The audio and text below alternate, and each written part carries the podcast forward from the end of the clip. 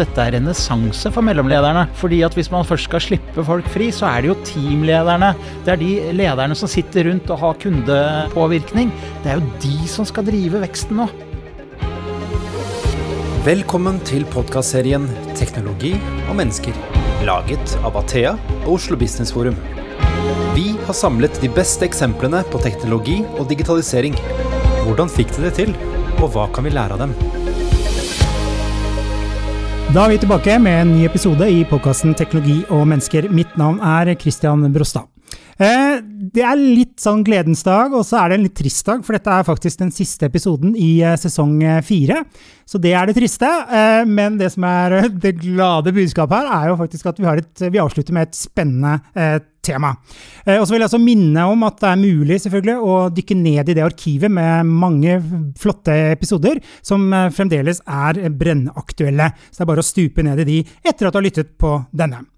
I denne episoden skal vi rett og slett svare på 1000-kronerspørsmålet. Det er hvordan vil fremtidens arbeidsliv se ut når vi får kontroll på pandemien og vi alle har fått et vaksinestikk i armen.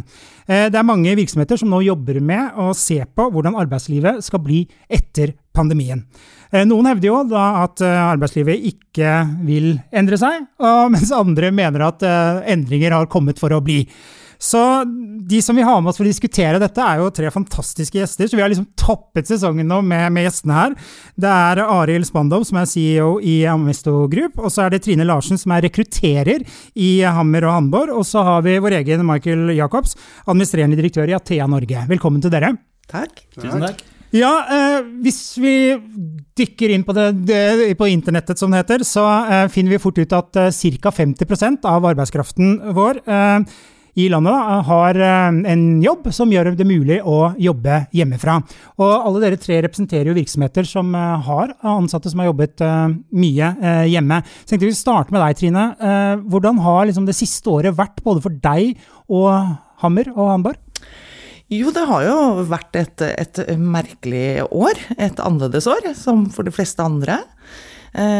stengte ned kontoret i Oslo 11. mars. Eh, og har for det meste vært eh, på hjemmekontor siden det. Har hatt noen turer på kontoret, men ikke så mange. Gudskjelov så hadde vi implementert før lockdownen en del nye arbeidsflyteknikker som jeg tror var eh, redda oss fint. Så det har jo gått veldig bra med både å holde de ansattes mot oppe, støtte hverandre, nye arbeidsflyter, ja. Eh, og sånn resultatmessig så har det eh, gått veldig bra. Det endringene som skjer nå, er jo veldig aktuelle for, for Hammer og Hamburg med de endringene som vi har jobba med egentlig ganske mange år nå, da. Mm. Og noe av det skal vi dykke ned i eh, senere. Men jeg tenkte, Arild, hvordan har det vært hos dere? Nei, Vi har også vært på hjemmekontor i, siden 12. mars i fjor. Eh, og nesten 100% av bedriften. Så jeg må si fra å være litt sånn eh, Kommer vi til å overleve dette? Så har det egentlig vært en stor positiv overraskelse, hvis man tenker på omstendighetene, da. Så vi har hatt veldig mange aha-opplevelser på hvordan det er å ha arbeidsstyrken 100 eh, jobbende hjemmefra. Og altså, ære være Office 365 ja, og Teams. Altså, hvis man ikke hadde hatt det, eh, de som ikke har hatt det når man gikk ut i dette, de tror jeg har hatt en tøffere, tøffere omstilling. Men for oss har det stort sett vært, eh, etter omstendighetene, veldig positive erfaringer. Mm. Og Michael? Nei, Vi også har opplevd det. Jeg må si Kulturen vår har kommet til sin rett. Virkelig imponert over folk, hvordan de har stått på. Likevel holdt fokus på kunder og hverandre, og passet på hverandre. Vi har vært kreative, gjort mye nye ting vi aldri har prøvd. Digitale allmøter hvor vi er ute og går. Vi har hatt uh, fredagspils på Teams og Zoom, selvfølgelig. Uh, så jeg må si det er imponerende. Så tror jeg folk har opplevd det veldig positivt. Og noen, som meg sjøl, syns det er litt krevende. Jeg er ikke noe hjemmemann. Jeg trives å komme på jobben, reise rundt i Norge, møte folk. Få inspirasjon fra folk og sånn. Det er jo blitt borte syns jeg. Det er jo mange temaer vi skal igjennom her, men jeg tenkte eh, det som kanskje er den største utfordringen for mange ledere, eh, når alle eh, sine folk og alle sine medarbeidere er på, hjemmekontor, er jo hvordan du leder folk på avstand, såkalt avstandsledelse. Og Trine, eh, hva, er, er, de største utfordringene tror du har vært for mange av de lederne nå som har blitt stappa på hjemmekontor og ikke ser flokken sin? Ja, nå er jeg litt sånn eh, spesielt overinteressert i arbeidslivet, så, så når det liksom lokka helt ned, ja, så hadde jeg mye digitale kaffemøter med forskjellige ledere i næringslivet i vidt forskjellige bransjer, og jeg har hørt mange forskjellige historier. Eh, Og så har jo dette også endret seg litt underveis, med hvor krevende det har vært og mindre krevende. Men jeg bit meg litt merke i det du sa, at øh, verdiene deres kom til sin rett, eller kulturen deres kom til sin rett. Eh, og det tror jeg veldig på, og det kjente jeg både i eget selskap også, at eh, jeg så tidlig, og vi snakket tidlig om hva er verdiene våre, at vi nå kommer til å komme i situasjoner hvor ingen har en fasit eller erfaring. Vi kommer til å måtte ta løpende beslutninger og avgjørelser basert på hva da? Jo, og da tror jeg at man må gå tilbake til verdiene og kulturen i virksomheten. Da. Og de som hadde allerede det innarbeida, kombinert med, med arbeidsflytsystemer, tror jeg har eh, kommet styrket ut av dette. Og det eh, kommer igjen til lederrollen med fjernledelse. Ikke sant? Hvis du har en godt innarbeida verdi og kultur, så tror jeg det har vært enklere hvis alle har kjent til denne kulturen og verdiene. da. Jeg vet meg merke det Michael sa om at du opplever at du eh, har eh, Og det er vel kanskje mer en sånn personlig erfaring, da. For, for min opplevelse i forhold til ledelse er at eh, jeg har Eller man har demokratisert tilgangen til lederne, da. Fordi det er så lett å bare trykke på en knapp, og så treffer du den lederen du vil. Så fra å være sånn ja, hovedkontoret, alle, på, alle er på hovedkontoret, og alt skjer der, og skal du treffe Arild eller noen av de andre, så må du være der. Så er det nå blitt en veldig sånn flat eh, organisering. At det spiller ingen rolle om du sitter i Gøteborg eller København eller Sverige eller hvor du er. Alle føler at de er på samme nivå i forhold til tilgang til ledelsen. Da. Ja. Vi har også hatt uh, undersøkelser ute to ganger, helt i, relativt i starten og nå nylig. Og vi har også fått tilbakemelding at folk uh, ser hverandre mer. Mer omsorg til hverandre. Uh, og tilgangen, som du sier, den er noe helt annen. og informasjonsflyt er vi blitt flinkere på. Fordi det skjer nå digitalt istedenfor at du reiser rundt i hver by og holder allmøter, så, så skjer jo det nå tvers gjennom hele bedriften på samme tidspunkt og akkurat samme informasjon. Så det er noen positive tilbakemeldinger også på, på dette som vi har stått i. da. Mm. Og så er det jo sånn at vi ledere kan være litt fleksible, vi òg. Jeg har møtt Arild på fjellet annet, så det går, jo, det, går, det går jo an å flytte seg og jobbe. Jeg har ledet fra fjellet ja, de siste fire månedene. ja, det gir deg noe fleksibilitet, da. Mm. Gjør det. Og det er, jeg tenker litt på det du sa, at vi er jo på en måte fjernere hverandre ved at vi er digitalt, men på en annen måte så er vi også kommet veldig mye nærere hverandre. Og det er liksom at vi er jo hjemme i privatlivet til kollegaene våre. Det er unger, og det er katter, og det er hunder, og det er familieliv. Sånn er det. Som man kanskje har gjort også at man ser når folk kanskje har det vanskeligere enn andre tider. Og, og, og den støtten og omsorgen for hverandre har jo også vært veldig rørende, syns jeg. I både historie jeg hører og selv har opplevd. Ja, ja altså jeg opplever på, kanskje at man som leder kommer enda nærmere medarbeiderne sine når du må snakke med dem direkte. Altså Hvis jeg er på kontoret en hel dag, så kan jeg jo Jeg har jo vært til stede, så jeg kan jo si at jeg er der jo. Men mentalt så er jeg kanskje i helt andre Du er på fjellet, du. ja, altså, ja. Så, så, da er man på en måte Du legger jo ikke merke til dine medarbeidere, kanskje, selv om du sitter rett ved siden av dem. Men når du er på eh, video eller eh, digitalt, så, er, så må man snakke med hverandre. Og det tror jeg har, jeg har fått en litt sånn aha på det. da. Det med å faktisk være til stede i nuet. Når jeg skal tilbake til kontoret, så skal jeg passe på at jeg ser, ser de jeg er i samme rommet. Altså. Det er jo eh, to sånne nøkkelord her. Det ene er altså for lederne. De jo, skal jo selvfølgelig oppnå resultater eh, gjennom medarbeiderne. Og så har du motivasjon og lojalitet. Jeg tenker Du er jo eh, headhunter, som det heter på norsk. Eh, Trine, sitter ansatte løsere nå pga. at man, du får ikke den fysiske nær, du får ikke kaffepraten, du får ikke alle de tingene som skjer fysisk. Da. At ansatte nå sitter løsere. Er det lettere for deg å plukke folk? Både ja og nei, men det her har også vært i faser. Jeg merket det spesielt kanskje tre-fire uker før påsken. At da var det vanskeligere. Flere kandidater trakk seg fra rekrutteringsprosesser fordi det rett og slett var kjempeslitne. Og jeg opplevde en litt sånn amperhet både i nærbutikken min, men også at folk var uhorvelige slitne, spesielt her i Oslo, da. Eh, og, så både ja og nei. I perioder så er man løsere at noen også Ja, nå hører vi solskinnshistoriene, men noen har nok også følt at det ikke har blitt sett. Og kanskje arbeidsbyrden har blitt for stor. Eh, noen ledere har slitt veldig med kontrollbehovet, eh, og har kanskje handlet og gjort ting som kanskje ikke er helt innafor, som gjør at man glipper eh, folk, da. Samtidig så er det jo en veldig jakt på de samme hodene uansett bransje. Eh, så man jager mye de samme. Men det vi erfarte, erfarte før påsken, var veldig å gi eh, kandidatene mer tid enn hva vi gjorde tidligere. Eh, for der kjente vi godt på at folk var slitne, da. Så det, så det har vært veldig forskjellige faser. Så det er ikke noe sånn ja-nei-svar på på hvordan det har vært. Men jeg har noen refleksjoner på hva jeg tror i fremtiden når vi kommer ut av pandemien. Mm.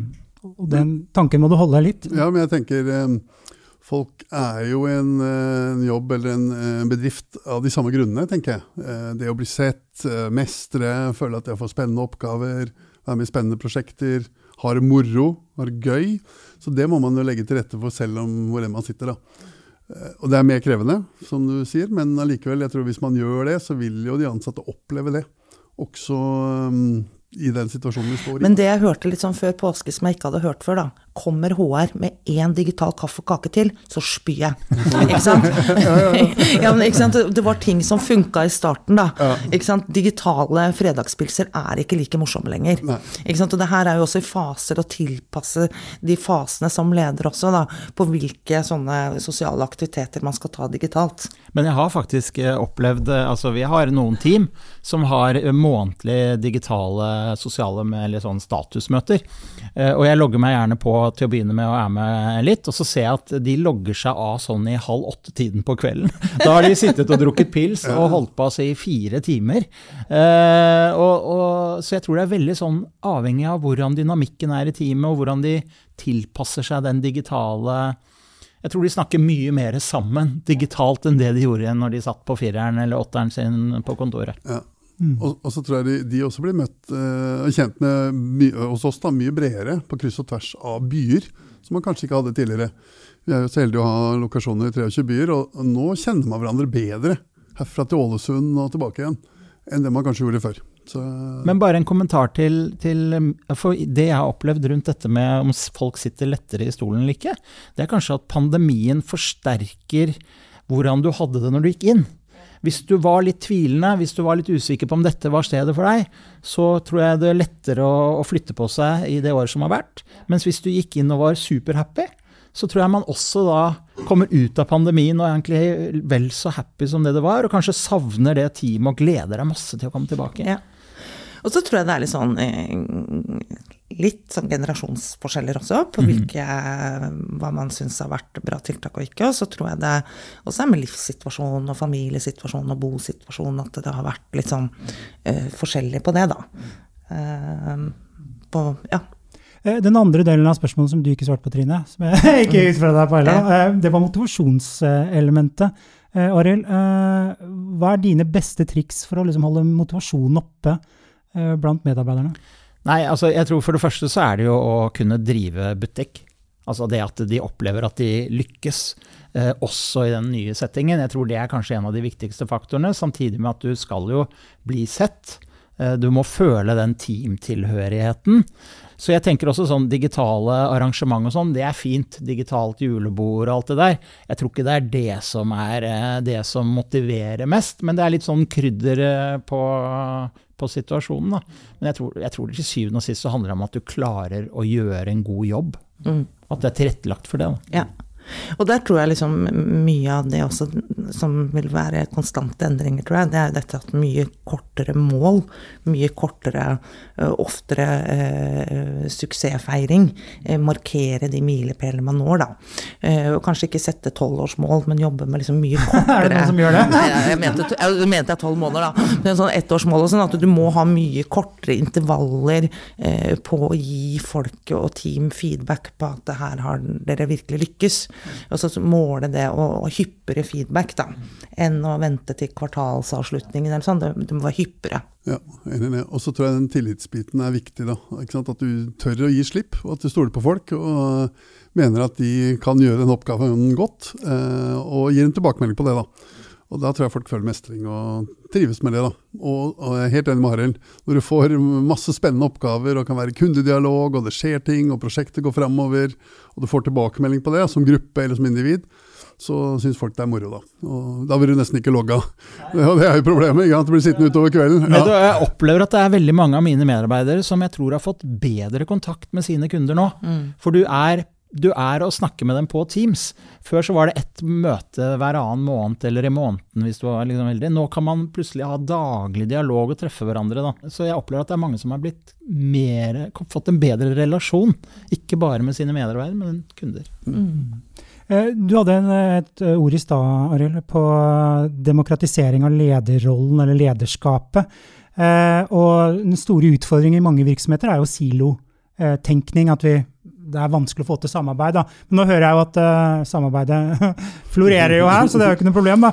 Men uh, tror du at pandemien kan hjelpe oss til å Eller at vi blir tvunget til å organisere oss annerledes? Uh, og da er det jo matrisetenke, da, som kanskje flere snakker om nå. Hva tenker du, Arild? Ja, I hvert fall personlig, da. Så opplever jeg at det, den, det tillit er blitt Altså, man har fått igjen for det.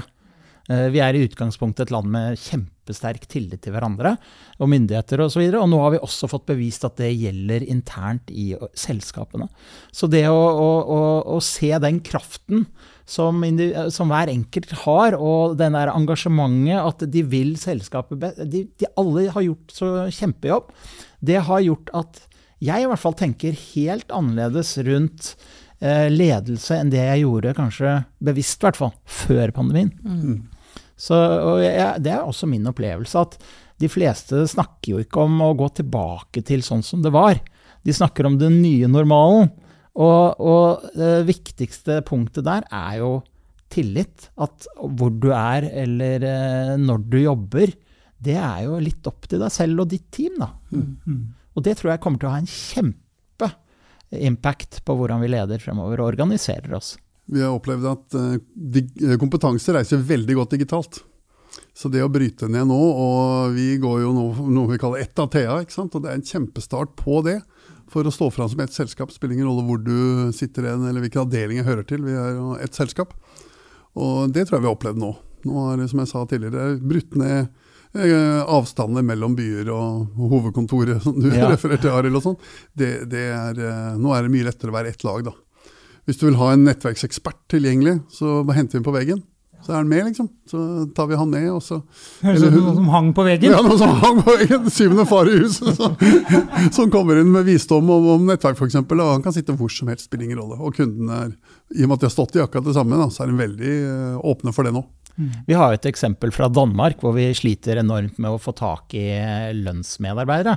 Vi, har, eh, altså, vi må nesten si nei til kunder, og det er jo ikke noe noen ønsker å gjøre. Eh, Men, men det er så kamp om eh, talentene der, da. Så da startet vi nå noe som heter Amesto Remote, hvor du sier at du kan jobbe hvor som helst. Søk, spiller ingen rolle. Da fikk vi nesten 40 kvalifiserte søkere på én stilling. Altså det er jo i seg Utenfra selv Danmark òg, eller? Ja, altså Mm, ja, du kan ha en ja. danske i Norge, for den saks skyld. Ja. Så, så alle grenser viskes ut, og man får jo mye lettere tilgang på den kompetansen. Det er fantastisk. så ja, det er jo helt utrolig, egentlig. Ja. At, uh, Det var vel et departement også som eh, for første gang skrev at arbeidssted hvor som helst. Eh, Jeg husker ikke hvilket departement du er. Men Trine, du håper å si, tukler med masse virksomheter med rekruttering. Ser du en dreining med, med mer matrisejobbing, mindre siloer osv. i de organisasjonene du er inne i? Ja, eh, og mange sliter med at det er for mye siloer eh, fortsatt, selv om eh, pandemien har liksom akselerert hele den der digitale utviklingen, da. Eh, Men det å jobbe mer og mer agilt, også med agile ledere liksom etter prosjekt, og gå ut eh, Jeg har jo vel sagt litt sånn tabloid at eh, mellomlederen hører hjemme på museum og sånne ting, men, men det jeg også mener er at vi alle kommer til å måtte være ledere, da. Og gå ut og inn av, av, mer prosjektjobbing og lederrollen på den måten. Så, og jeg tror jo det er liksom en veldig viktig suksessfaktor også når vi ser At alt og alle endres. Hva innebærer det egentlig, da? At du kan jobbe hvor som helst og, og når som helst fra til en viss grad. Hva, hva, hva, gir dette her av tilgang til kandidater? Det er helt klart at det eh, vil øke de som eh, evner det. Eh, det er jo noen rapporter også som sier at liksom, må jeg på kontoret åtte til fire, så sier jeg opp én av fire, eller noe sånt. Mm. og det er helt klart at de som er innenfor attraktive kompetanseområder som det er mangel på, har jo en posisjon hvor man kan si sånt. Men så har du andre fagområder som ikke har det.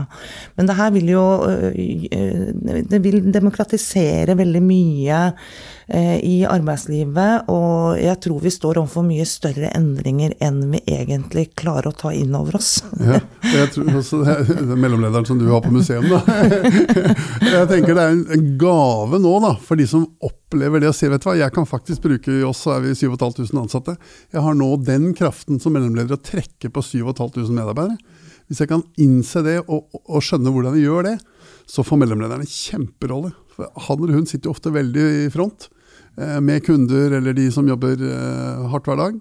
Så det å tenke sånn Nå har jeg plutselig tilgang til 7500 ansatte, og jeg kan klikke dem på hvor som helst da åpner seg en helt åpenbaring for den mellomlederen, tenker jeg, eh, i framtida. Ja. ja, jeg, jeg ville, ville kanskje vært mer tilbøyelig til å være enig i at uh, melloms, mellomlederens rolle var utspilt før pandemien, men min konklusjon etter pandemien, i hvert fall så langt, er at dette er renessanse for mellomlederne. Mm. Fordi at hvis man først skal slippe folk fri, så er det jo teamlederne. Det er de lederne som sitter rundt og har kundepåvirkning. Liksom, det er jo de som skal drive veksten nå. Mm det er jo de som har mulighetsrommet nå. ikke sant? De kan trekke på hva som helst. Og jeg ønsker jo å flytte mest mulig makt til mellomlederne, jeg nå. Jeg ser den kraften de kan utøve. Helt enig. Du ser betenkt ut, Trine.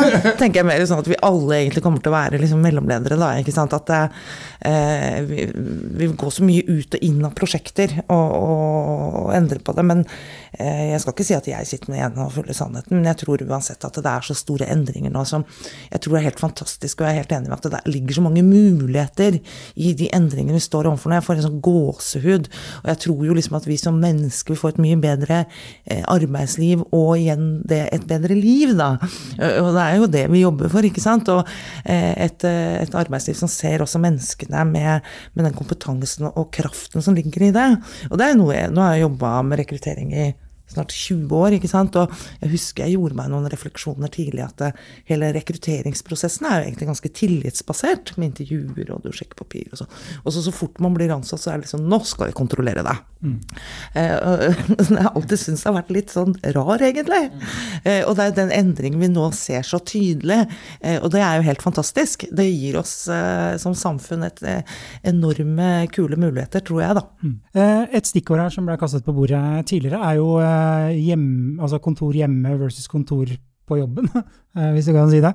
Eh, jeg tenkte, Arild, eh, hva, hva, tenker dere i det selskapet du leder på Blir det mindre kontorer? Altså skal dere nedskalere på antall kontorer, eller kontorareal? For det er jo sånn, jeg leste forrige uke, så det kommer jo nå en forskrift snart Eh, som sier noe om som skal regulere hjemmekontoropplegget. Og sosialministeren vår han eh, frykter jo at eh, arbeidsgivere vil spekulere i bruk av hjemmekontor. Altså at man ikke vil ha fysiske lokaler. Da. Men jeg har også, bare sånn digresjon her, jeg hørte et eller annet sted at i Oslo-området så tror jeg nesten 50% av kontorlokalene til enhver tid står tomme før pandemien. Da. Så det er altfor mye kontorplasser. Men det var et sidespor. Men Arild, hva, hva, skal dere gjøre? Skal dere liksom fjerne 50% av kontorarealene deres? Det er interessant spørsmål, og vi er midt oppi det nå, for vi skal jo snart uh, ha ny kontrakt. Og da har jeg utfordret mine ledere. Ja, hva er uh, For det første, hva skal vi gjøre, hvor mye skal vi vokse, og hvor mye plass trenger vi nå? Og det er forferdelig uh, spørsmål å stille noen som skal Altså, det er jo nesten umulig å ta stilling til. Men undersøkelser vi har gjort internt, tilsier at rundt 30% sier de ikke trenger kontor i det hele tatt. De er kjempefornøyd med å jobbe 100% fra hjemmekontor. 30% 30% Så kan man ta utgangspunkt i at før pandemien så var kanskje 60 av plassene tatt til enhver tid, men alle hadde sin plass. Så du kommer også inn på det at ja, skal du slippe folk fri, så må du også, kan du ikke ha en fast plass for hver person. Så det, det påvirker veldig mye. Men, men, jeg tror at det er eh, helt klart mindre areale som er nødvendig, og man blir mer bevisst på det nå. Jeg tror vi snakker om en reduksjon på 30% 30-40% på eksisterende arbeidstak, som får en betydning, men så må man ta inn for veksten, da. Så det er jo ikke sikkert at areal, Jeg tror vi kanskje ville gått ut og hentet større arealer hvis vi skulle flytte i dag før pandemien, mens vi nå går ut og ser etter mindre arealer enn det vi har nå etter pandemien. Til tross for at vi skal vokse. Så det får veldig, veldig stor effekt hvis du akkumulerer det opp på alle bedrifter, og de, hvis de tenker sånn, så tror jeg vi ser en reduksjon i arealbehovet på i hvert fall 30% i dagens situasjon. Mm. Hva tenker du, Marke? Ja, jeg tror vi Før pandemien så begynte vi å designe eh, kontorplassene for samhandling. Altså Det var ikke bare pulter som sto på rekke og rad. Det var samhandlingsrom, det var tavler, det var kreative møtearenaer osv. Den tror jeg vi trenger fortsatt. Eh, fordi du ønsker at eh, kontoret blir et sted hvor jeg vil. Mm. Altså Jeg søker meg dit. For der, jeg har ikke tenkt å gå glipp av alt det spennende som skjer der. Um, kanskje ikke hele tida, så jeg tar meg en dag på hytta og møter Arild og sånn. Men, men, men uh, allikevel, de andre dagene så vil jeg gjerne komme inn. For der, der, søker jeg For jeg har kollegaer der, vi skal jobbe i prosjektet. Det er den hele fredagspilsen som ikke er digital. Uh, så jeg tror det er liksom vår ambisjon. da, Det er å skape et sånt uh, sted hvor folk vil til. Jeg er helt enig. Ikke, ikke, hvor du får beskjed om at du må komme klokka åtte og gå klokka fire. Nei, Vi må gjøre det så attraktivt som mulig Nettopp. å komme til kontoret, men det skal være basert på frivillighet ja, og, og ønske. Og den gir deg en bedre arbeidsform på den kreative delen, samhandlingsdelen, enn å sitte på en pult på rekke. da. Så, så, det tror vi eh, at vi kommer til å gjøre. da, se, Fortsette det sporet, faktisk. Mm, mm. Jeg var og besøkte noen år tilbake uh, Google. Um, og det er jo et sted du vil til, mm. med personalrestauranter, mm. uh, biljardrom Det var liksom kjempetilrettelagt for kreativitet osv. Er det det dine ansatte får? Ja, det er ambisjonen i hvert fall. Det er jo det. Uh, og jeg ser det allerede nå, at, og vi er jo veldig fornøyd med de lokalene vi har. Det er veldig attraktive. Men, men, når de kommer inn nå, så er det bare sånn Å, jeg gleder meg så vanvittig til jeg kan komme tilbake. Og det er jo det du ønsker. Da er du der du skal være. Og det er jo interessant, egentlig, det med hele kontorets utforming. For den er jo veldig gammeldags, det tradisjonelle kontoret som vi tenkte på da. Eh, jeg tror heller ikke kontoret blir borte, og jeg syns det er litt sånn snever diskusjon om hjemmekontor eller kontor. Jeg er mer på Det skal, som dere snakker om, et sted man ønsker seg til, kanskje eh, ikke på hvordan pult eller kontorstol man har, men fordi at um, man vil treffe noen, man vil løse noen oppgaver på en annen måte. og Det er mer, eh, mer aktivitetsbaserte løsninger, da. Eh, men jeg tror det er en viktig del av kontoret kommer til å være lunsjbordet og vinskapet. Litt sånn satt på spissen, da. Det jeg mener er jo det derre Det er ikke alt som er like bra å flytte over digitalt, da. Sånn digitale fredagspilsen eller ferie sånn er nok kulere å gjøre fysisk til stede sammen. Det er vel det vi alle savner veldig, å være liksom fysiske sammen. Mens liksom en del av den produksjonsjobben vi gjør, kan nok være like fint å gjøre hjemme eller eh, på en benk eller et eller annet på hytta eller eh, Ja. Eh, så jeg tror ikke det blir liksom at du må gjøre det hjemme, det gjør du andre steder, men det er en del av de andre elementene kontoret vil ha. Og det vil nok være veldig med den kulturbyggingen og verdiskapingen som gjør at man føler det samholdet. Jeg, jeg kunne tenke meg å bli kvitt uttrykket hjemmekontor. Jeg. Ja, jeg også. Det, det hører, altså enten så, at Man jobber uansett. Ja. Eh, og, og, jeg tror hvis vi klarer å, å, fjerne den grensen mellom om du er på kontoret eller om du er på digitalt, mm. så er vi på riktig plass. Ja. Eh, men hjemmekontor, det håper jeg vi er ferdig med etter pandemien. Mm. Og så tror jeg det vil skape noen nye utfordringer. Jeg opplever jo også noen som eh, helst liksom vil ha litt tydeligere skiller. Eh, tenk på det med biljardbordet og vinskapet som jeg er inne på, som egentlig er litt kanskje av den amerikanske arbeidskulturen også, var det jeg har hørt om i Seattle. Jeg har i flere år hatt eh, torsdag klokka tre-ølen eller noe sånt. Eh, og det er jo egentlig bare for å få folk til å ikke gå hjem og så fòre med mat og, og, og, drikke så du helst skal jobbe 24-7. Men det er jo egentlig ikke det vi ønsker heller. Vi ønsker jo ikke et sånt liv at du er på jobb konstant. Eh, så det, å, eh, det er litt den derre balansegangen der, og om man skal ha kontoret som et opplevelsessenter, eller hva er det man egentlig skal gjøre her. Og jeg kjenner også noen unge talenter der som er litt sånn tydelige på at jeg vil ha et skille mellom jobb og privat. Så her vil vi få en del eh, spennende diskusjoner hvordan vi skal løse dette på en god måte, da. Mm. Eh, vi må snakke om kultur, fordi eh, selskaper som har en sterk kultur, eh, skaper ofte magi. Da. Eh, og så har vi sikkert eh, eksempler på det alle sammen. Og så drar vi også ofte på foredrag hvor én foil står. 'Culture Eat Strategy for Breakfast'. Det er liksom, uh, den ser vi, og vi spyr den egentlig, da, men det er vel noe sannhet i det. da. Uh, og jeg tenkte, Arild, kanskje du kan snakke litt om det. Eh, hvordan eh, sørger man for at man liksom får bygd kultur når vi kommer i en verden hvor alt er hybrid? Eller er det gammelt å tenke at man må være fysisk sammen for å skape noe sammen? Ja, Hva nei, tenker du? Altså jeg tenker Kultur er jo ikke noe fysisk i seg selv. Eh, Så jeg tror ikke at man trenger den fysiske plassen for å skape kultur. For meg er kultur ofte litt sånn oppskrytt og, og, og overkomplisert. Altså det er noe du på en måte Du kan kjøpe en tjeneste som skal hjelpe deg å bedre kulturen din. For meg er det litt sånn fjernt, fordi kultur handler jo om eh, hva, hvordan man agerer, og hvordan man er, forventer at man skal bli akseptert hvis man gjør noe. Eh, Så det handler jo egentlig om ledelse, da. Det handler om hvordan, hvilke forventninger har vi, og hvordan er det vi eh, jobber med å skape disse forventningene. Altså så enkelt kan det egentlig være. Så, så jeg tenker at, eh, Og det, det spiller ingen rolle om du er der. Jeg tror det å være fysisk sammen gjør det kanskje lettere å bygge den kulturen. Eh, Men hvis du i utgangspunktet ikke har gode ledere, så forsterker det, tror jeg, også den dårlige kulturen. Så, så til syvende og sist så handler det om hvordan man kommuniserer med hverandre. Og det gjør vi jo også over eh, nett. Så eh, nei, jeg har ikke opplevd Tvert imot, jeg har hatt nye medarbeidere som har startet under pandemien, som ikke har møtt sine eh, andre teammedlemmer fysisk, som har kommentert hvilken fantastisk kultur de synes vi har i Amesto. Og det, jo, det var litt sånn wow, de har liksom ikke møtt noen fysisk, og så opplever de allikevel at vi har en fantastisk kultur. Da må det jo være mulig å leve eller skape kultur uavhengig av fysisk lokasjon. Vi også har en veldig sterk kultur, føler vi selv, da, som eh, vi har klart å ivareta. Og som jeg sa, virkelig sto opp nå når vi havnet hvor vi havnet. Eh, så hvor man tar på, vare på hverandre, passer på kundene, partnerne våre og jobber sammen. da. Og den som jeg sa, den eh, forsterkes bare nå, ved at vi kan jobbe også utenfor byen vår eller utenfor landet vårt og kan trekke på hverandre.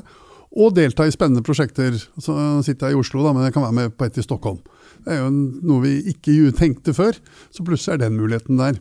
Det å passe på at kundene våre syns at vi er liksom the place to be, det er, uh, har vi virkelig kunnet få vist nå. da. At vi kan vise oss fram som ett selskap uh, til alle kundene. Så det, jeg føler også det samme som Arild, at kulturen den står opp hver dag i oss alle og er med på hvordan vi preger ja, hverdagen vår egen og hverandres. da. Mm. Så, så, alle de som er liksom kritiske til at kultur forvitrer når vi gjør det digitalt, det er bare å gå og legge seg, da? Ja, og så tror jeg det er en kombinasjon. da, At du trenger noen møteplasser og arenaer hvor vi kan se hverandre og være sammen. Men så kan det forsterkes også da, ved at vi er sammen digitalt. Fordi du klarer ikke å fly alle inn til Gardermoen og ha et seminar uh, hver uke. Men du kan fint uh, ha noen digitale samlinger som gjør at du drar oss sammen som et selskap da, på tvers av Norge. Så jeg tror det, det, er muligheter i det, hvis du bruker det til å forsterke kulturen. Ja. Ikke nødvendigvis ta ødeleggende Ja, og jeg opplever at uh, ans, altså mine medarbeidere ser meg oftere nå jeg snakker mer til dem nå direkte enn det jeg gjorde før pandemien. For da var det sånn en gang i kvartalet var jeg der, og så var jeg der. Var, nå er jeg månedlig, om ikke ukentlig, i dialog med medarbeidere jeg ikke så mer enn én en gang i året før. Mm. Så, så, det gjør det jo lettere å, å, å, påvirke og skape eller underbygge den kulturen du ønsker å ha. Mm. Deler du optimisten? Optimismen, Trine. Ja, ja, ja, ja. Absolutt. Og jeg prøver jo alltid liksom å, å gå i mitt eget fag og, og, min bransje. ikke sant? Og det vi har prøvd å jobbe med noen år nå, det er jo også å jobbe mye mer sånn kultur- og verdidrevet rekruttering, da.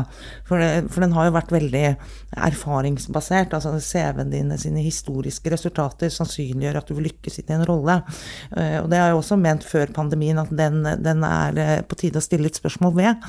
Og det tror jeg også når man skal eh, lykkes nå i det nye arbeidslivet. At man må se mye mer på denne Eh, de som vil være med på en visjon, de som vil være med på denne kulturen som er hos dere i, i Amesto eller Athea, at det Ja, finne de folka som vil være med på det. Da tror jeg også man lykkes bedre. Så kan man heller kjøre på om det er noe kompetansemangel som er, om du ikke kan det programmet eller det. Det kan du jo lære deg på et kvarter nå. og liksom den utviklingen der med det faglige. Men det å ha folk som vil være med på den kultur- og visjonreisen til de enkelte selskapene, det er jo det vi ser mye på i forbindelse med rekruttering, som jeg tror veldig på for å få den gleden jeg får i jobben min, da når jeg får en, en kandidat til en arbeidsgiver, og dette er en match over tid.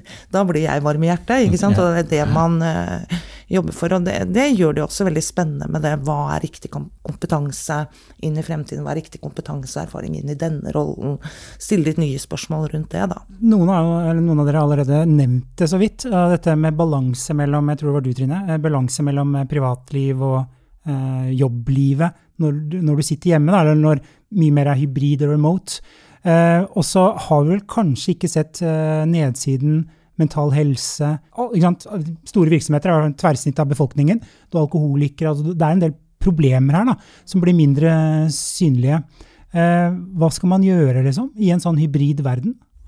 Altså jeg tror det problemet du nevner der, det er relatert til å være tvunget til å være på hjemmekontor. Jeg tror eh, det blir borte i det øyeblikket det er valgfritt. Altså det vi ikke må være hjemme, eller må være på kontoret, så tror jeg at eh, de aller fleste, det vil alltid kanskje være noen som faller utenfor, eh, de vil, altså det vil forsvinne. For da, da, da er det jo deg selv som bestemmer når du har behov for å sitte i fred hjemme, eller eh, du har behov for sosial kontakt på kontoret. Eh, og da kan jeg ikke skjønne annet enn at det blir et hypotetisk, en hypotetisk problemstilling. Så tenker jeg det er en lederjobb fortsatt. da, Vi passet jo på folkene våre når vi møtte dem også. Eh, og samme må vi gjøre nå, eh, eller har gjort, og kommer til å måtte gjøre fortsatt. Bry seg om mennesker, forstå hva de står oppi. Noen har en god dag, andre har en dårlig dag. Kunne håndtere det, begge deler, tror jeg er viktig. Og da hjelpe folk hvis man har en dårlig dag eller en periode. da. Så er det viktig for lederen å ja, hjelpe dem da, og mm. skape det samholdet dem imellom. Men samtidig så gir det en mulighet til å gjemme deg, da, fordi at du kan jobbe hvor som helst. Ja, hva tenker du? Nei, jeg, vet, jeg, tror, jeg tror, at selvledelse er liksom nøkkelen her. Eh, og jeg tror jo også at det eh, i automatiseringen av alt mange jobber som blir borte, og det har vi jo sett under pandemien også, men at det kommer mange nye jobber også. Og jeg tror den støtterollene rundt eh, en organisasjon, organisasjon organisasjonsutvikling eh, kommer det mange nye spesialistroller. Jeg tror ikke alltid det er mellomlederen som skal ha alt dette ansvaret. Jeg tror vi går ut og inn av disse rollene. Men det jeg også har lagt merke til under pandemien, er at folk har vært innmari åpne. Det hører jeg både i eksterne og Denne uka her så sliter Eller jeg har begynt å slite litt med motivasjonen min. Jeg leverer ikke like godt som jeg ønsker. Man ber om hjelp med en åpenhet som jeg ikke har sett før, som er veldig unik og veldig fin. Og det er jo en sånn tillitsgreie. Ok, skulle man da hatt en støtterolle inn her nå? Og jeg har også hørt noen bedrifter som at det ikke er naturlig at nærmeste leder skal gjøre, men at det er andre roller i organisasjonen som går inn og har litt sånn eh, Jeg skal coache deg litt denne uka, ja, for du sliter litt der, ja, du sliter litt med det. Men dette har jeg erfaring på. Og så en helt sånn eh, ny sånn, eh, kall det omsorg eller hva det er, men det jeg tror den eh, tilliten til at man kan være åpen på det at man eh, sliter med et eller annet, og at man kan få hjelp også fra andre nærmeste leder, tror jeg blir litt nøkkelen. Og der kommer det en del nye roller i, i ledelsen frem, da. Vi har, vi, vi har, jo også nå, altså det er jo utrolig, men før pandemien så var det ingen som, eh, veldig få, som tok kontakt med legen online. Eh, mens nå under pandemien så har vi jo til og med tilgjengelige psykologer for våre medarbeidere online. Uh, altså det, er, det er lettere for våre medarbeidere å kunne snakke med en psykolog i dag enn det er for uh, de som ønsker å treffe en psykolog in person. Så, så jeg tror at vi, vi, har jo bygget opp under det behovet også, og kommer styrket ut av pandemien i forhold til det supportapparatet du kan ha rundt medarbeiderne, fordi du kan gjøre det digitalt. Mm. Og det syns jeg er så fantastisk, for det har liksom på en måte eh, mentaltrenere, da, som ofte psykologen heter til toppledere, eh, så, så, har det liksom vært noe som har vært eh, toppleder, for det er så krevende. Mens nå har dette også blitt mer demokratisert, som du er inne på, at eh, medarbeideren også kan få en mentaltrener i, i perioder. Da. Eh, og det her er ganske kult, da. Liksom, man, for det er ikke noe at man alltid kanskje har behov for det, men i en fase har man kanskje behov for det. Mm. Eh, og så trenger man det ikke. Og så, ja. Det er kult. Eh, vi nærmer oss slutten, eh, og før vi får liksom de viktigste spådommene for hver enkelt her på hva fremtidens arbeidsplass For det var jo spørsmålet som, vi, eh, som vi runde av med. Men Michael, du har jo av og til sagt at det er en balansegang mellom det å være i driftsmodus, altså det å optimalisere drift og de leveransene du har, og innovasjonskraft. Eh, at, eh, hvordan, det, hvordan, få til det samspillet i en sånn hybrid verden? Hva er de tanker om det? Ja, Det er der jeg tror det kontoret da, eh, kommer tilbake igjen. Det er fordi at vi kan komme inn der og være kreative. Jeg, det, jeg føler i hvert fall det at du blir mer kreativ hvis du kan stå i et rom, møte de du skal være sammen med, tegne litt på tavla, diskutere litt, prate litt når vi går til kaffen, tilbake igjen. Hvis du har middag på kvelden, så har du liksom diskusjonen gående videre. da. Mens hvis du sitter på et Teams-møte, så når det er slutt, så er det slutt. Da sitter du med dine egne tanker ofte. Så, så jeg tror det der å få den uh, arbeidsplassen til å bli det stedet man søker da, for den type oppgaver. For det er helt klart at uh, det kommer jo an på rolle og oppgaven du har, hvorvidt det er best egnet å gjøre den. Og Det kan være på kontoret sammen, eller så er det aleine hjemme for jeg skal være uforstyrret. Så, så det er liksom det å finne den balansen der, da, tror jeg er viktig. Og ja, der tror jeg den fysiske arbeidsplassen kommer til sin rett, da, hvor vi kan samles. Føler du Arild, at innovasjonskraften har blitt mindre ja. eh, under pandemien? Ja, ja, så det er den største svakheten. Jeg er helt enig med Michael der. At, uh, og det, det, kommenteres også internt. At prosjekter, innovasjonsprosjekter det tar lengre tid og er tyngre å gjennomføre. Mm. Så jeg er helt enig i at det er, vel, det er kontoret skal det, en av hovedfunksjonene i fremtiden. Uh, sammen med det å kunne samles utenfor kontoret, i sosial sammenheng. Eh, som også er ofte der de store ideene kommer. og Klokken fire på morgenen så, så, får du den geniale ideen. Men det gjør man jo ikke nå. Så helt, helt enig med deg der, Michael. Nei, Innovasjonskraften har jo aldri vært viktigere heller, i, liksom, i den omstillingen vi er i. da. Det er jo helt kritisk. Så, men jeg har alltid beundra folk jeg, som klarer liksom å bli med på et møte onsdag klokka to til tre, og være, nå skal vi være kreative. Eh, ja, men jeg er også sånn Det kan være klokka fire om morgenen, eller mm. eh, det, Ja. Mm. Eh, når er jeg på jobb? Er det når jeg er på mølla på treningssenteret, når det gikk an? Eller og tenker å få løfta hodet litt, eller eh, når jeg svømmer, som er noe jeg savner veldig, da. Eh, hvor jeg får liksom eh, roa ned tanker og tenkt på en annen måte. Eller når jeg går tur med en kollega. Det gjorde jeg faktisk også før pandemien. Og jeg håper jo at folk vil bruke de rommene og anledningene mer og det tror jeg.